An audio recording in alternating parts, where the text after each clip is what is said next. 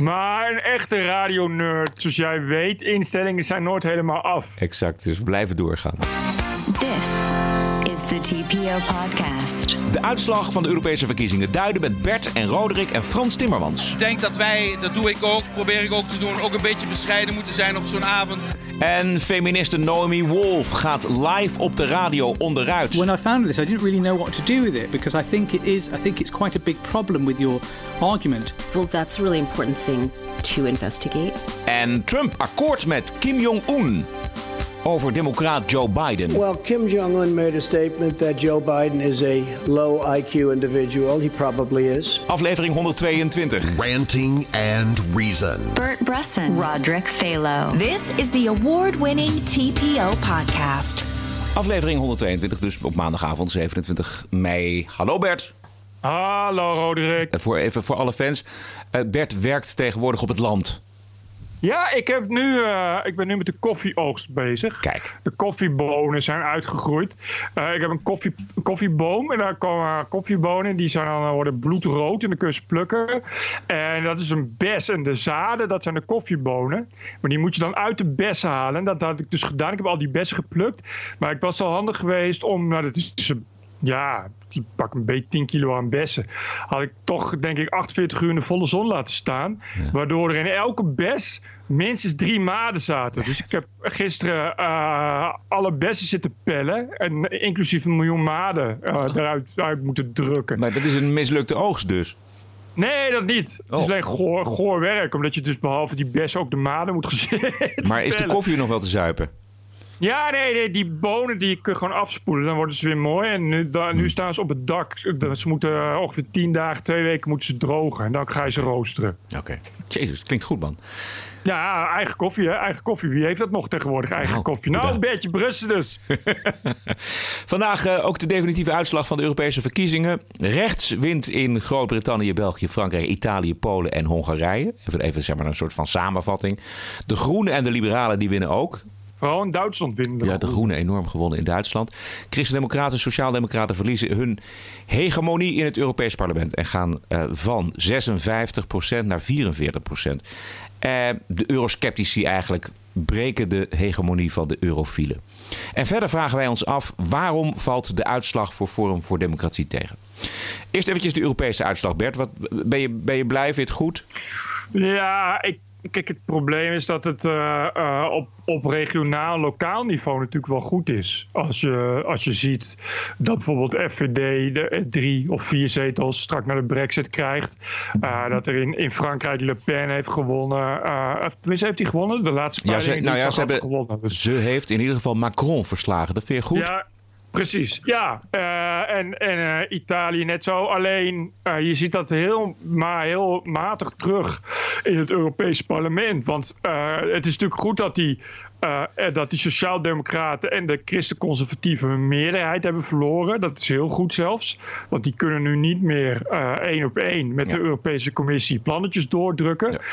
Maar die hebben ze mede ook verloren. Bijvoorbeeld aan de opkomst van de Groenen. Wat toch echt een hele grote, grote groep nu is geworden ja. in het Europese parlement. En de Liberalen. Ja. Waar je natuurlijk ook uh, meteen weer denkt aan Guy Verhofstadt. Dat is ook een liberaal. Dus of je daar nou blij mee moet zijn. Ja. Er gebeuren ook heel veel zaken die uh, niet synchroon lopen. Hè. In Nederland uh, zagen we de PVV naar nul gaan. Ja. Nou, dat, dat stemt niet overeen met bijvoorbeeld wat we in Italië zien en Frankrijk. En helemaal niet wat we zien in Groot-Brittannië. Uh, we zagen ook de liberalen in Europa winnen. Maar we zien ja. D66 gehalveerd worden in, in, in Nederland bijvoorbeeld. Ja. ja, het is toch ook een hele nationale kwestie eigenlijk, deze verkiezingen. Ja, heel erg. Uh, dat zie je natuurlijk aan de, aan de winst van Timmermans. Bedoel, er was niemand. Exact. Ik denk dat de meeste mensen alweer waren vergeten wat überhaupt de PvdA was. Uh, dit ineens naar zes zetels is natuurlijk. Ja, het is uitzonderlijk, omdat uh, in alle andere landen is inderdaad de, de sociaaldemocratie nog steeds gewoon op een dieptepunt. Ja. Uh, ook deze verkiezingen, behalve in Spanje, begrijp ik. maar goed, dat is altijd al een stuivertje wisselen geweest tussen. tussen tussen, tussen conservatief rechts en, en sociaaldemocratie. Ja. dus, dus het is inderdaad het heeft vooral een beetje een, een, een signaal. eh, of nee, het is niet een signaal per se van wat er lokaal gebeurt. Het kan ook een signaal zijn van wat lokaal niet gebeurt. Want volgens mij is het zo dat Timmermans wint, omdat in Nederland die 40% die is gaan stemmen, dat zijn allemaal eh Euro Europese Unie-minded people. En de, de, de critici. De, de cynici en eh, de sceptici, die gaan gewoon niet stemmen bij Europese verkiezingen. Plus dat volgens mij speelt ook nog een, een, een rol dat Timmermans de eigenlijk enige echte aansprekelijke kandidaat voor de Europese Commissie is. Ja, Dus, de- ja. dus dat is de verpersoonlijking. Als het dan gaat inderdaad over de Europese verkiezingen, dan kom je eigenlijk in je hoofd eigenlijk al automatisch uit bij Timmermans. Ik denk dat voor veel mensen ook echt geldt wel dat ze inderdaad eh, dachten: oh, Europese verkiezingen, wat was het ook alweer? En dan, oh, dat is Timmermans, Timmermans, die, ja, precies. die ken ik wel. Ja. En dat heeft natuurlijk ook wel te maken met het spotje van de SP bijvoorbeeld. Ja. Eh, en de manier waarop hij, ja, dus, dus het Timmermans-effect, de manier waarop hij in beeld is gekomen. Het is natuurlijk een, een bekende figuur die nog veel bekender is geworden. Ik denk dat dat voor veel mensen, ja, het heeft een beetje, eh, ja vadertje Drees, Wim Kok effect. Eh, eigenlijk wat we Den L hebben, wat we altijd hebben gehad met, met, met aanvoerders van, van de sociaaldemocratie. Een betrouwbare figuur. Ja. Zometeen meer nog over eh, Frans Timmermans en zijn gevecht om het voorzitterschap. Eerst even wat jij noemde de SP. En de SP, Ja. dus, die hebben nu crisisberaad, begrijp ik. Ja. Eh, want ja, SP gaat het wel heel slecht. Eh, op, op, op wel echt alle fronten. Dat is wel heel, dat is, eh, ja, de, ook waar, ik begrijp ook gewoon niet. Maar ja, Het, ja, het debat is anders. Laten we nog even luisteren naar die Matthijs Roodduin van de Universiteit van Amsterdam... die afgelopen zondag bij Buitenhof zat. SP wil het hebben over ongelijkheid, wil het hebben over sociaal-economische herverdeling, wil het hebben over de zorg. Dat gaat niet goed als het publieke debat vooral over identiteit gaat. Dat is een kernprobleem van de SP, denk ik. Ja, misschien moet de SP wachten tot het debat weer verandert. Nou, dat moeten ze sowieso, maar dat, daar hebben dus al die partijen last van. Dat heeft D66 nu dus ook. Ja. Eh, en eh, ja, verder, ja, het is moeilijk. Maar goed, het, je weet niet. Het is een, eh, du- dus inderdaad een roerige partij. Dus je weet ook niet wat er nu weer gaat gebeuren. Ik begrijp in elk geval dat ze nu een soort crisisraad hebben met het bestuur. Dat ze zich in elk geval eh, gaan eh, her- herzinnen. Aan de rechterkant, wat mij opvalt, Bert, maar ik ben benieuwd wat jij ervan vindt, is het valt toch tegen voor AFD. En Ja. voor de Forum voor Democratie valt ook een beetje tegen. Eh, zeker als we dat eh, afzetten tegen de peilingen van Maurice de Rond van afgelopen zondag. Die hebben het allebei over een vertrek uit de Europese Unie. En volgens mij is dat geen stemmentrekker. Niet in Duitsland en ook niet in Nederland. Nee, ehm, zeker niet in Duitsland en zeker niet in Nederland. Misschien dat in andere landen leeft dat meer. Zie Brexit. Dus er zijn landen waar het wel leeft. Eh, en dat is wat ik zeg. Het zijn eh, over het algemeen. Kijk, kijk, landen als Nederland en Duitsland zijn toch eh, over het algemeen de mensen die voor de Europese verkiezingen gaan stemmen. Zijn dus inderdaad mensen die ook wel van die Europese Unie houden. Ja. En er ook in zijn opgegroeid. Ja. We hebben vrij reizen, we hebben één munt. We hebben roamingkosten die overal hetzelfde zijn. We hebben vrije vestiging in de hele Europese Unie. We hebben Ja. Handelsvoordelen. Nou, noem maar op. En dan, en dan als je dan, en dat was natuurlijk in feite goed van Rutte. Als je Baudet uit de tent lokt over een exit. Ja, dan kom je nergens volgens mij. Dat, is- dat is een minderheid ook die dat wil. Ja. Als je nu een referendum gaat houden over Nexit, dan ga je dat ook niet winnen. Nee. Dat- en, en dat is in Duitsland precies hetzelfde. Misschien is het daar groter. Maar wat je dus inderdaad ziet, is dat die, dat die krachten gewoon eh, op het moment dat er voor Europa moet worden gestemd. Veel gematigder zijn. Dat zijn veel gematigde stemmen. Ja. Eh, eh, kijk, daarom, wint, daarom win- winnen de Groenen ook. Dus alle millennials gaan stemmen bij de Ja. Europese verkiezingen. Eh, heel veel bejaarden gaan ook stemmen. Die, die, die, hebben, ja, die hebben die opbouw van de Europese Unie meegemaakt. Dus gaan die inderdaad pro-EU stemmen. Daar Maar Bert, komt, ik denk ook, dat vandaan. Ja, maar ik denk ook dat er een hoop rechtse kiezers zijn die wel heel veel kritiek hebben op hoe het nu gaat en dat, die, dat er iets moet veranderen aan die Europese Unie, maar dat ze niet voor eh, het vertrek, het eenzijdig vertrek van Duitsland of van Nederland uit de Europese Unie is. En dat komt natuurlijk Exact. ook door de ellende die we zien, de politieke ellende in, in Groot-Brittannië nu. Maar het, het, het is een misrekening voor rechtse partijen als Forum en AFD om deze kaart te spelen, is mijn idee. Eh, ik weet niet of het een misrekening is. Kijk, ik vind wel bij Forum Uh, ja, het zijn toch drie of vier zetels uit niets. Maar afge afgezet tegen, tegen het potentieel en tegen inderdaad de peilingen uh, en de winst bij de laatste provinciale statenverkiezingen is het natuurlijk matig.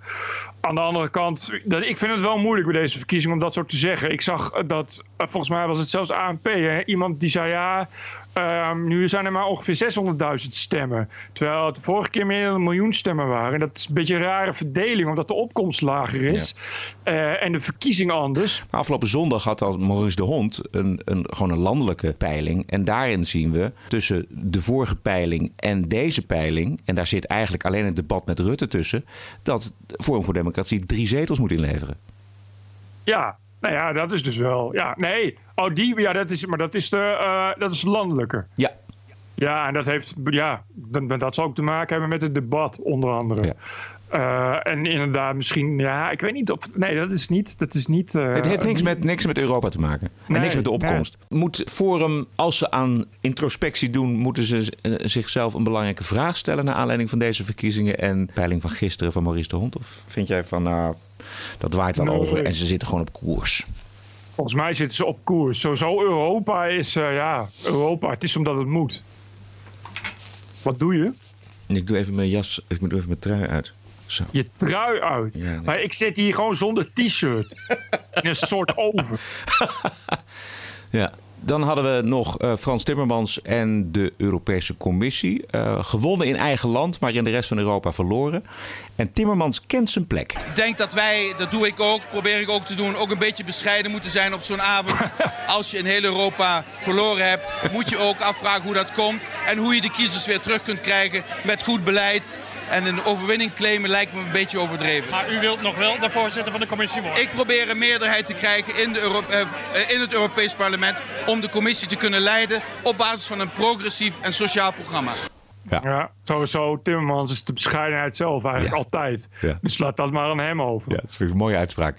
Uh, moeten we bescheiden zijn. Maar de vraag is natuurlijk wat we na deze verkiezingen kunnen zeggen over de kansen van Frans Timmermans. Uh, Sander van Hoorn bij de NOS. Dat die kansen in elk geval niet kleiner geworden zijn natuurlijk nadat hij hier in Nederland gewonnen heeft. Dat uh, die andere kandidaat, Manfred Weber, die ziet niet iedereen zitten. Dus dat vergroot ook weer de kans van Timmermans. Aan de andere kant, je hebt de liberalen nodig.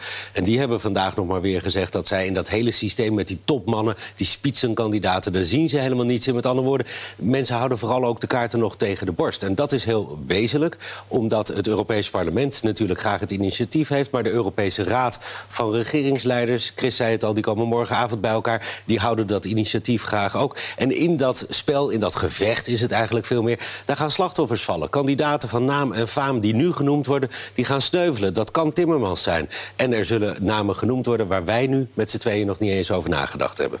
Precies. Italië kan ook een, een commissaris naar voren Juist. schuiven.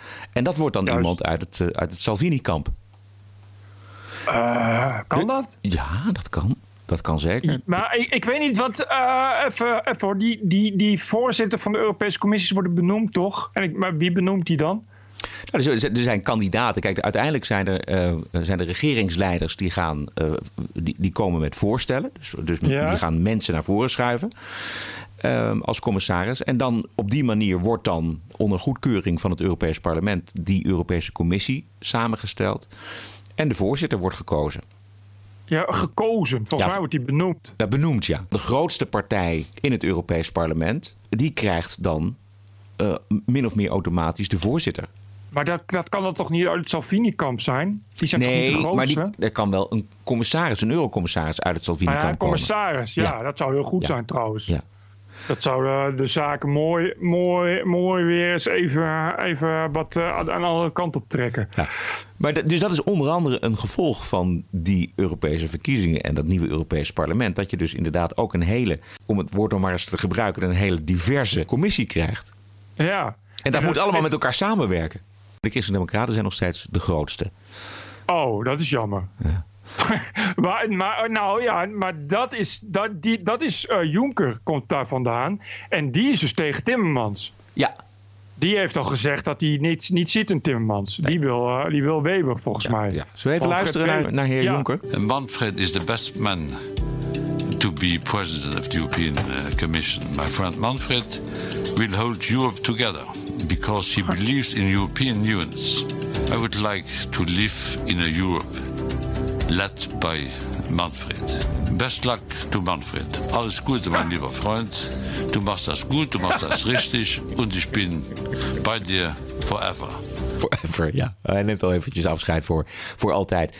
Uh, uit, de woorden van, uit de woorden van Juncker uh, kan ik toch ook afleiden dat uh, de voorzitter toch echt wel iemand moet zijn die de steun heeft uit het Europees Parlement. Ja, ik weet niet hoeveel steun hij überhaupt heeft, Timmermans. Het is allemaal leuk en aardig, maar ik moet het dan inderdaad nog zien. We gaan nog even in Engeland kijken.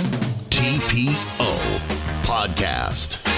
Want in Groot-Brittannië was de grote winnaar Nigel Farage. En zijn Brexit-partij vanmorgen was Farage bij de Britse zender ITV. The Brexit Party is only six weeks old. Think about it in that context. This is one hell of an achievement. And I would say this looking ahead. The next date we're supposed to leave on is the 31st of October.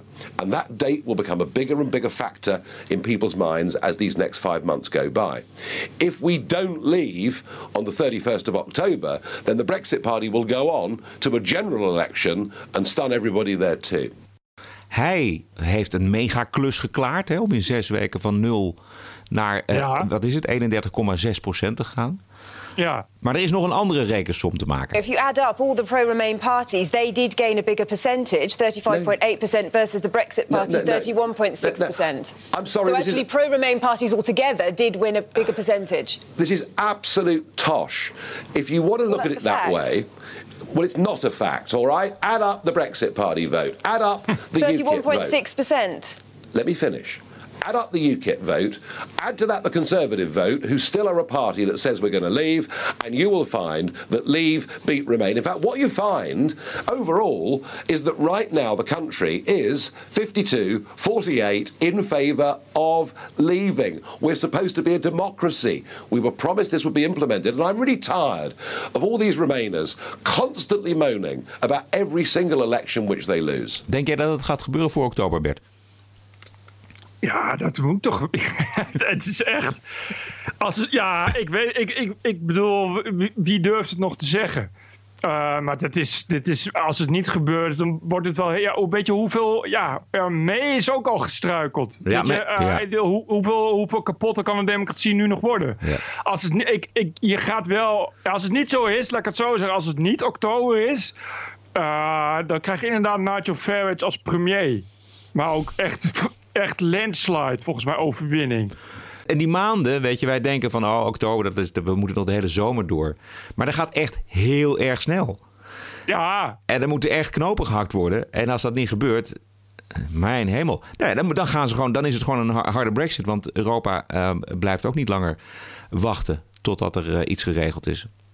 Ja, ik, ik, ik weet gewoon niet als het niet oktober wordt, je weet ook niet, ja, je, ik weet gewoon niet, welke, je weet gewoon niet welke krachten je dan losmaakt. Nee, ook dan, Je weet ook helemaal niet, kijk, Nigel Farage is nu wel echt op top van zijn kunnen. En dat is een hele grote macht. Ja, uh, ja weet je, wat, wat gaan die doen? En uh, uh, hoe gaan mensen daarop reageren? Maar wat, mee is weg. Wanneer gaat hij weg? Uh, 7 juni stapt ze op en dat uh, heeft ze op oh, deze manier aangekondigd. I will shortly leave the job that it has been the honor of my life to hold. The second female prime minister, but certainly not the last. I do so with no ill will, but with enormous and enduring gratitude to have had the opportunity to serve the country I love. Ja, dat waren de tranen die uh, natuurlijk groot werden uitgemeten in de, in de tabloids uh -huh. en in de kranten en op radio en televisie. Uh, volgens mij waren het wel uh, echte tranen. Het, was wel echt frustratie wat eruit kwam wat dat betreft. Ja, het is ook een vrouw. Dus, nou. Oh, het is een vrouw. nee, maar het, nou ja, er zijn ook een hoop mannen die gejankt hebben volgens mij uh, in de politiek. Maar de, de, deze, dit waren wel echte tranen volgens mij. Uh, mm -hmm. Er wordt heel cynisch ook over gedaan. Nou, dat geloof ik niet. Dat, dat geloof geen, ik ook geen, niet. Geen, geen nee. toneel, want dan... Nee. dat, dat, dat Obama kan dat, weet je wel. Ja. maar dat zie ik bij mee, zeker niet op zo'n moment. Het, het is toch iets wat, wat ineens heel snel gaat. En als je dat dan daar dan zo'n speech houdt ja, dan gebeurt dat natuurlijk gewoon. Maar goed, 7 juni gaat ze dus weg. Het lost niks op. And it's critical not to overstate the extent to which the Conservative Party as a whole has a plan. There is not a master strategy. And there are so many different parts of the party that have their own interests and have their own designs on power and their own ideas for Brexit. Zowel op het persoonlijke vlak als op het ideologische vlak over de brexit... is die conservatieve partij waar die premier uit moet komen... eh, tot op het bot verdeeld. Dus ook een Boris Johnson kan niet die partij verenigen, denk ik. Of, of wie dan ook. Ik geloof dat er nu inmiddels Nee, maar- vijf kandidaten zijn. Maar er moet wel een premier komen. Ja, en, maar die kan wel de brexit bespoedigen, volgens mij. Nou ja, dat is nog maar de vraag. Want steeds moet er eh, gestemd worden in dat parlement. Moet er gestemd. En daar moet een meerderheid voor een, voor een plan zijn. Volgens mij hebben ze nu een aantal plannen zijn er op de revue gepasseerd. En die zijn allemaal weggestemd door het parlement. Dus er is gewoon geen parlementaire meerderheid voor hoe er uit die Europese Unie vertrokken moet worden. Ook niet, Nee, maar- over, ook niet over een harde brexit. En, en, en als er eh, geen besluit valt, dan wordt het sowieso een harde brexit. Ja, dat bedoel ik. Maar, maar, maar hoe lang, hoe lang eh, eh, heeft Brussel nog geduld überhaupt? Tot, tot 31 oktober. Oké, maar dan is dat 31 oktober sowieso. Ja. Bedoel, als het, dus, dus het is sowieso 31 oktober volgens Juist, mij. ja. TPO Podcast. In muziekstad Liverpool wordt gewerkt aan het verwijderen van de poster van het nieuwe album van de Britse zanger Morrissey uit de metro. Eh, het is eh, alweer een tijdje geleden dat Morrissey uit de pot met rode pillen eh, gesnoept heeft. Sindsdien heeft hij sympathie voor Tommy Robinson en voor de UKIP-afsplitsing For Britain. En dus was het wachten op een metroreiziger die niet blij was met de poster met het hoofd van Morrissey. Had jij ooit LP's van Morrissey of van The Smith? Ik had van die hele Morrissey nog nooit gehoord. Wat? Maar je begrijpt dat, ja, ik heb niet veel met muziek, maar je begrijpt dat ik nu eh, de hele playlist van Morrissey heb gedownload en als een LP's en dubbel eh, DVD's heb besteld. Gewoon go Morrissey go. Eh, er was, was niet dit is trouwens een heel bizar verhaal, want die klagers die hebben aangevoerd als grond dat ze zich gekwetst voelen. Ja. Eh, offended. Ze zeiden, I feel offended bij deze poster. Ja. En op de poster is totaal- alleen zijn hoofd te zien. Wat echt totaal geschift is. Dit bedoel, het is geen offending poster. Het is inderdaad gewoon het hoofd van iemand waarvan je dan weet dat hij een politieke voorkeur heeft. Die, die verder ook niks met zijn zingen te maken heeft. Eh, maar er was ook een, een, een platenhandel, de oudste ter wereld, of de oudste van Engeland. En die weigert nu ook om eh, inderdaad nog Morrissey-albums te verkopen. Ja. Wat echt, nou, ja, het is zo geschift. Je kan er gewoon niet bij. Ja. Nee, het, het, het is. ehm, Nou ja, kijk, je- even nog over het eerste punt. Je, je- eh, een foto van, eh, ik noem maar iemand, Adolf Hitler in de metro. Dat kan mensen ook chockeren. Dus ik denk, volgens mij hebben ze het een beetje op, over die boeg gegooid. Ja. Dat het hoofd van Morrissey eh, inmiddels wordt geassocieerd met uiterst rechts. Dat dat eh, offensive is. Ja, maar goed, ik wil het hoofd van Adolf Hitler. Adolf Hitler die was geen zanger en die verkocht geen albums. Dus je bedoelt, je, iedereen, iedereen met een gezond verstand weet waarom dat hoofd van Morrissey daar hangt. Omdat het een zanger is met een nieuw album. Dus dan ga je toch niet zeggen, ja, dat kwetst me. Ja, de bedoel, associatie kan. Kijk, Ja, tegenwoordig Bert kan alles. De associatie kan Ja. kwetsen. Precies. Ja, tegenwoordig kan alles. Tegenwoordig ja, ik, ik, ik, ik, ik- ja, ik, ik weet het niet. Ik ga in elk geval eh, heel veel Morrissey luisteren. Ik was al eh, fan geworden van Michael Jackson. Eh, dus nu ga ik ook Morrissey luisteren. Michael uit- Jackson en Morrissey. Oké, nou, dat heb ik in mijn je- jeugd al gedaan. In de jaren 80 en 90. Eh, de Smith vond ik nog leuk, maar Morrissey daarna vond ik echt verschrikkelijk. Ik vond Oh. het een, ik vond het een, een walgelijke, ijdele, moraliserende poseur in zijn linkse tijd. En nu is hij in zijn tijd en ik vind hem eigenlijk niet minder irritant. Hij is eh, vegetariër en hij eist regelmatig de meest absurde dingen bij interviews. Bijvoorbeeld voor een optreden bij Jimmy Kimmel eh, in de Jimmy Kimmel Show in Amerika eiste hij dat het hele gebouw dat daar geen grammetje vleeswaren te vinden waren. You requested, demanded, that this building, everyone on staff, that this be a meat-free environment for the day that you are here. Yes. So if I'm a little woozy right now, it's because I haven't had my bacon.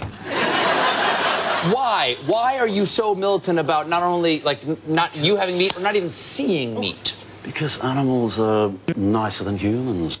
What about an animal that's already dead, like uh, a cow that's been sentenced to death for a murder? or a pig that commits suicide from listening to too many of your songs? You shouldn't laugh at that. het is, die vent heeft totaal geen humor. Ik wens je heel veel plezier met de muziek van Morrissey. Maar ik ben, het is toch een beetje een koekje van eigen deeg, Bert, wat er nu gebeurt. Oké, ja, dat, ik, ik, dit wist ik niet. Maar het is volgens mij gewoon een provocateur. Het is een ijdele vent. Het is een, het is een verschrikkelijk... Het is een grote ster, muziekster in, in Engeland. Een vreselijke vent. Maar ik vond de liedjes van de Smith vond ik, vond ik leuk. En hij was zanger van de Smiths. Ja, van de Smith. Van de Smith. Ja. Daar was hij de, de leadzanger van. De toen, leadzanger, Ging hij solo, ja. toen ging hij lo- solo. Ja, dan ging hij solo. En op de, op de, Oh, op, op, op, eh, de on stage, dan deed hij altijd zijn, eh, scheurde hij zijn, zijn t-shirt of zijn, zijn overhemd eh, uit. En dan stond er altijd een, een, van de, een teken of een slogan op zijn bast had hij. Het is wel opvallend dat deze voorheen linkse moraliserende artiest inmiddels een rechts moraliserende artiest geworden is. Natuurlijk ma- wel makkelijk scoren. Kijk, het is gewoon gratis pers. Zie, want dat, dat heeft iedereen nu afgekeken van Donald Trump. Ja. Ja. Wel, ja, als je, eh, dat, dit is toch, dit is toch ik, zou het, ik zou ervoor gaan. Ik vind het echt, het is echt goud.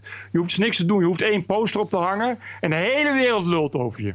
Ja, dan ben je toch binnen al. Bedoel, Maar ja, je hoeft geen reclame meer te Ja, maken. Nee, en, en platenwinkels heb je eigenlijk ook niet meer nodig, want iedereen bestelt gewoon online. Wel, nee, maar dat, dat, dat was ik ook dat ik het las. Ik dacht van, wat de fuck is een platenwinkel überhaupt? De mensen die naar een platenwinkel gaan, zijn eh, ja, liefhebbers, vinylliefhebbers. Ja. Eh, en, ik, ik- en mensen op, volgens mij koopt niemand cd's. Ja, als oma, artiest moet, koopt- moet je het daar niet meer van hebben. Nee. nee. Nee, dus, dus, dus je weet toch, dus online, iedereen trek je gewoon van, van iTunes en weet ik veel wat. Ja. Ehm, zullen we naar Amerika gaan, Bert? Yeah! This is CNN breaking news. Donald Trump is not going to be president of the United States. Welcome to Morning Joe. Mr. President, if there is no collusion. The government shutdown is now in week four. Today was not just like a normal stormy day in the news. This is not just my opinion. TPO Podcast. This is evidence.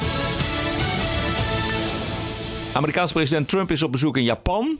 En in het bijzijn van de Japanse premier twee opmerkelijke uitspraken. eh, zowel grappig als opmerkelijk. Well, Kim Jong un made a statement that Joe Biden is a low IQ individual. He probably is, based on his record. Uh, I think I agree with him on that. But at the same time, uh, my people think it could have been a violation, as you know. I view it differently. I view it as a man, perhaps he wants to get attention, and perhaps not. Who knows?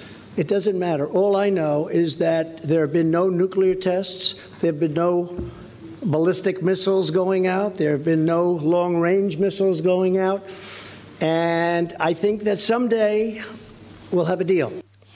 Dit is twee keer typisch Trump weer.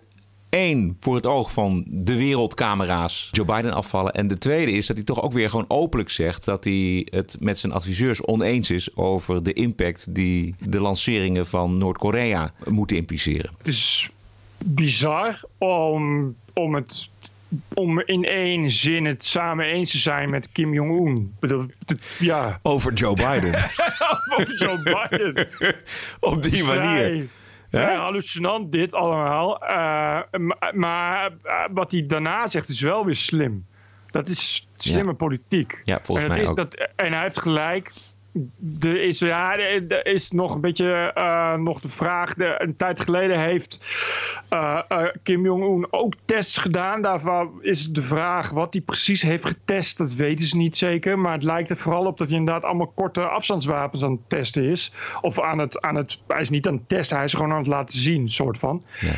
En dat is allemaal niet zo'n probleem. Dat is zolang hij inderdaad maar geen long-range ballistic missiles gaat testen.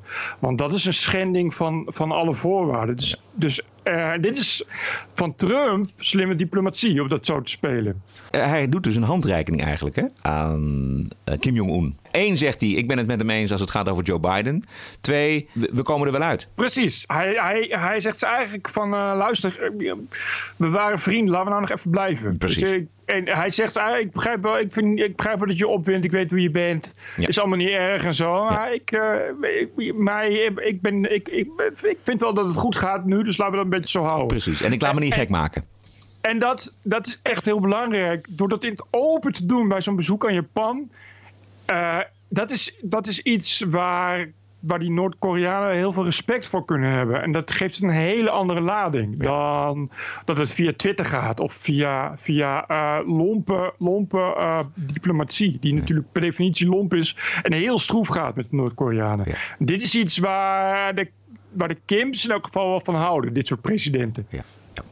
Ondertussen Michael Avenatti. Hij was de advocaat van Stormy Daniels, de pornoactrice die een relatie gehad zou hebben met Donald Trump. Hij werd in no time de grote liefde van de mainstream media in Amerika. He's Donald Trump's worst nightmare, Michael Avenatti. Joining us once again is Michael Avenatti. Let's bring in Michael Avenatti. Michael Avenatti. Michael Avenatti. Michael Avenatti, thank you very much. He's out there saving the country. Don Meacham says he may be the savior of the republic. You are something of a folk hero now. I owe Michael Avenatti an apology. I've been saying enough already, Michael. I've seen you everywhere. What do you have left to say? I was wrong, brother. You guys are the tip of the spear that's going to take down Donald Trump. No one has talked tougher directly to Donald Trump on TV than Michael Avenatti, and Donald Trump is afraid to mention his name. That's fascinating. Donald Trump is terrified of Michael Avenatti. And because Donald Trump was terrified of Michael Avenatti, hij werd hij op het schild gehesen door de Amerikaanse media. Het blijkt, Bert, dat, uh, dat stond in Rolling Stones magazine, dat hij het afgelopen jaar 254 optredens heeft gehad op televisie. Dat is, dat is, bijna iedere dag een keer. Uh, net zeggen. Waarvan alleen al bij CNN en MSNBC 147 keer in 10 weken tijd. Dus dat is, dat is, die zit, iedere avond zat hij daar. Wauw. Ja. Het is in elk geval een lieveling van de, van de MSM, ja. Exact. En nu blijkt dus deze lieveling van de MSN een gewelddadige egoïst en een oplichter te zijn.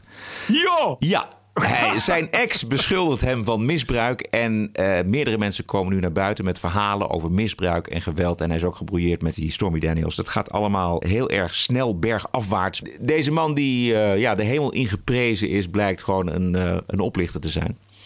Uh, dus ja, hoe, de grote vraag is hoe, hoe de mainstream media hier de komende weken mee omgaan. Is er een beschuldiging of heeft hij het toegegeven? Of hoe moet ik het... Nee, nee hij heeft helemaal niks, hij heeft niks toegegeven, maar er zijn wel beschuldigingen. Dus op, zijn, zijn ex-vriendin, waar hij al uh, lange tijd ja. een relatie mee gehad had...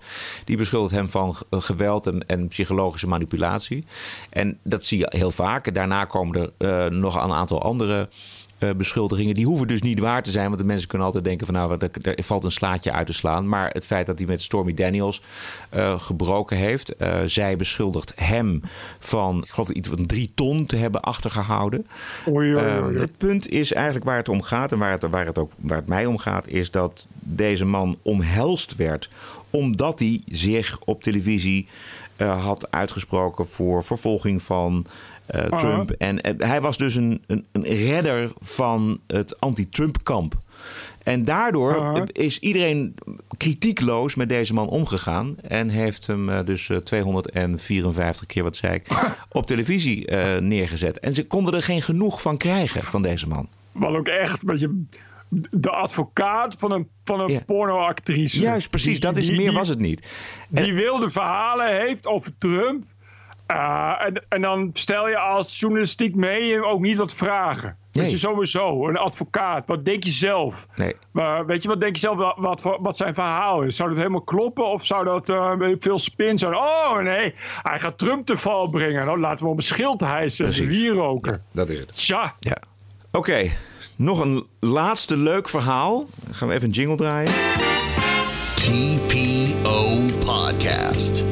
Een nachtmerrie voor de Amerikaanse feministe Naomi Wolf. Vooral bekend van haar bestsellers Vagina en The Beauty Myth. Bij de BBC ging zij live op de radio onderuit tijdens een interview over haar nieuwe boek Outrage. Dat gaat over de behandeling van homoseksuelen in het oude Engeland. Dat was geen pretje in het oude Engeland voor homoseksuelen. Maar Wolf vergist zich in een juridische term. Death recorded.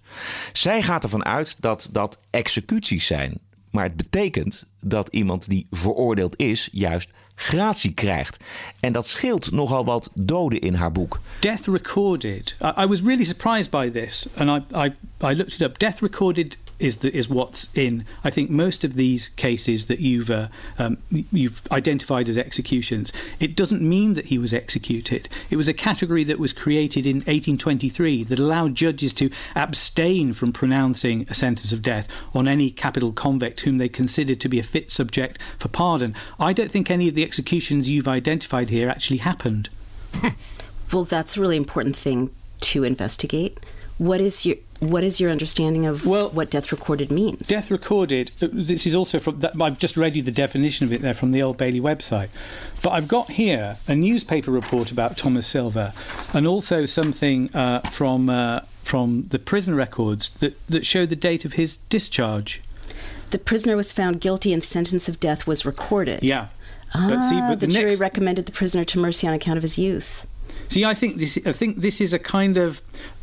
When I found this, I didn't really know what to do with it because I think it is. I think it's quite a big problem with your argument. En Naomi mhm. Wolf die blijkt niet alleen een cruciale juridische term verkeerd te hebben, maar ze blijkt ook geen weet te hebben van de daden die de mannen in haar boek op hun geweten hebben. Also, it's the nature of the offence here.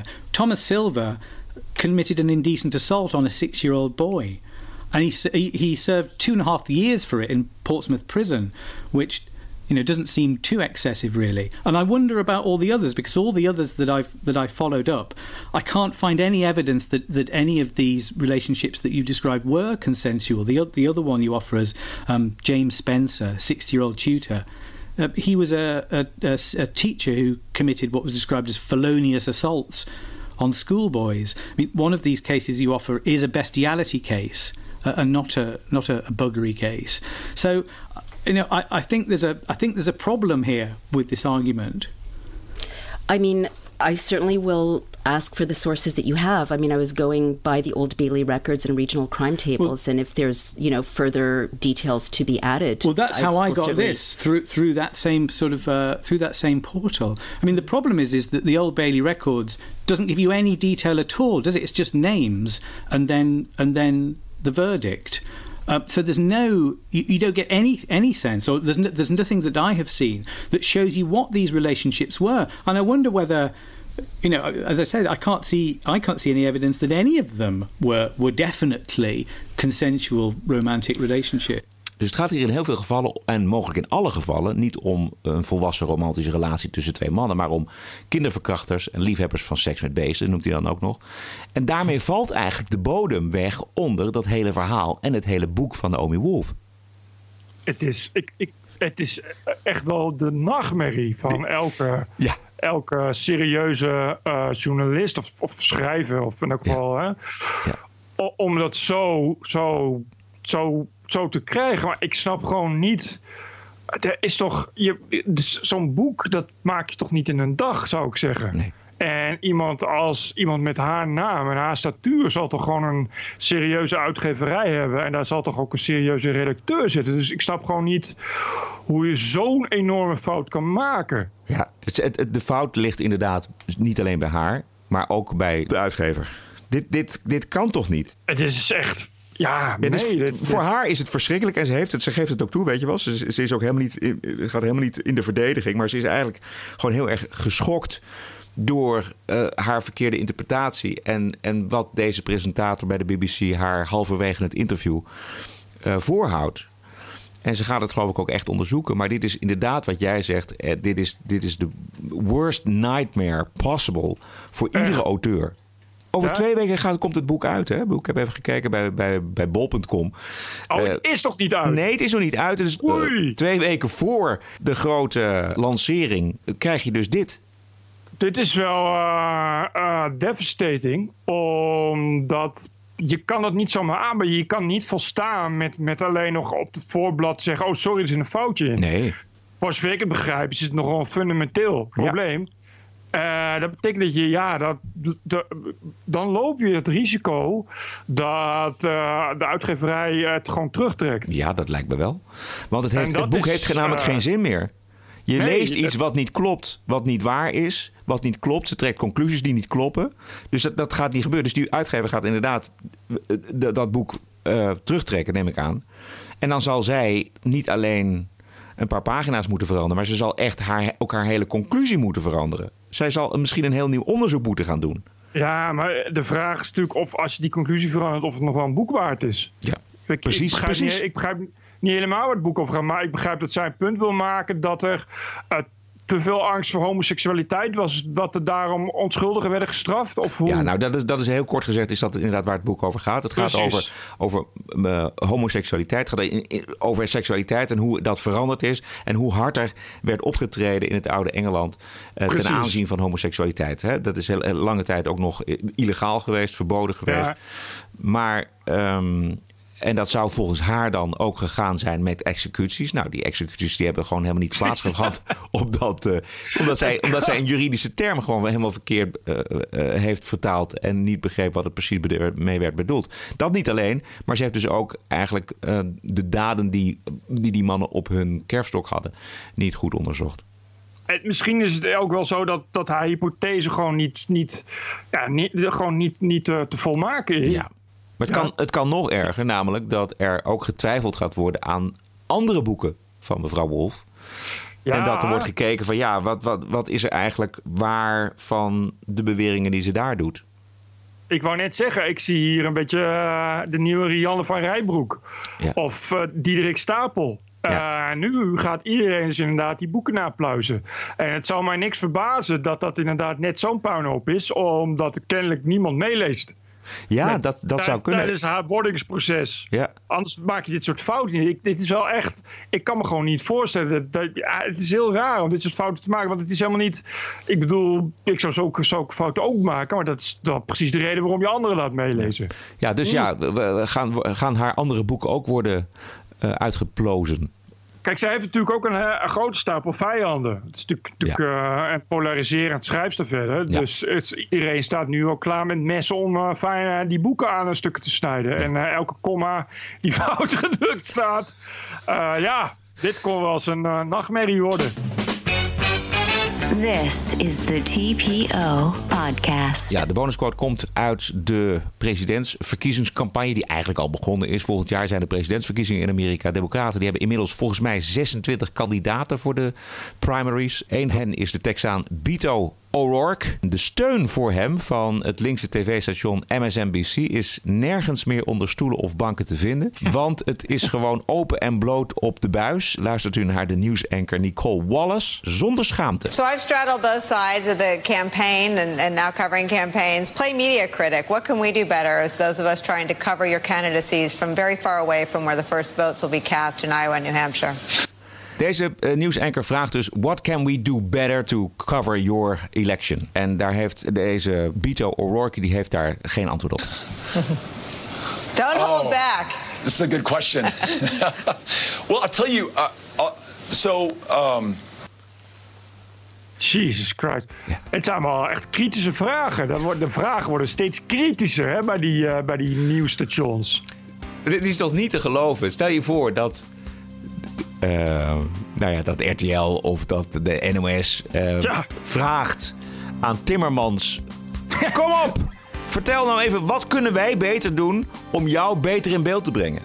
Maar ook lachend, hè? Ja. Dus, dus, dus dan. Uh, dat, uh, ik, ik weet die namen niet, maar u weet die Annegien Steenhoven of hoe heet ja. ze? Dat hij dan lachend zo één op één met Timmermans... Frans, wat kunnen wij hier bij het Nationaal nog meer doen om je nog beter, uh, nog beter voor het voetlicht te krijgen? Ja, precies. Ja. Of uh, Baudet. Luister eens even. Leuk alles, maar wees eens even kritisch op ons. Wat kunnen wij nou doen om jou nog beter in beeld te krijgen? Ik snap het ook niet. Het gaat dus echt heel slecht met die zenders. Ja, niet te geloven. Tot zover uh, aflevering 122. Vindt u dit een, een, een, leuk geluid, een amusant geluid, een belangrijk geluid misschien wel? Steun ons dan met een donatie. Dat helpt uh, ons in de podcast en natuurlijk u zelf ook. Want de podcast blijft op die manier gewoon uh, bestaan. Ga naar tpo.nl slash podcast. Daar vindt u de mogelijkheid om iets te doneren. Wij zijn terug dinsdag 4 juni, Bert. Heb een mooie week. Yeah. En tot okay. dinsdag. TPO Podcast. Bert Bruson, Roderick Balo, Ranting and Reason.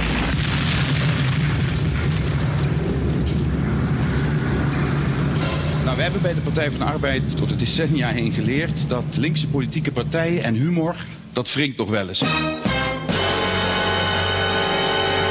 Podcasting is the TPO podcast in the Netherlands. Bert and Roderick. What a show. I'm telling you.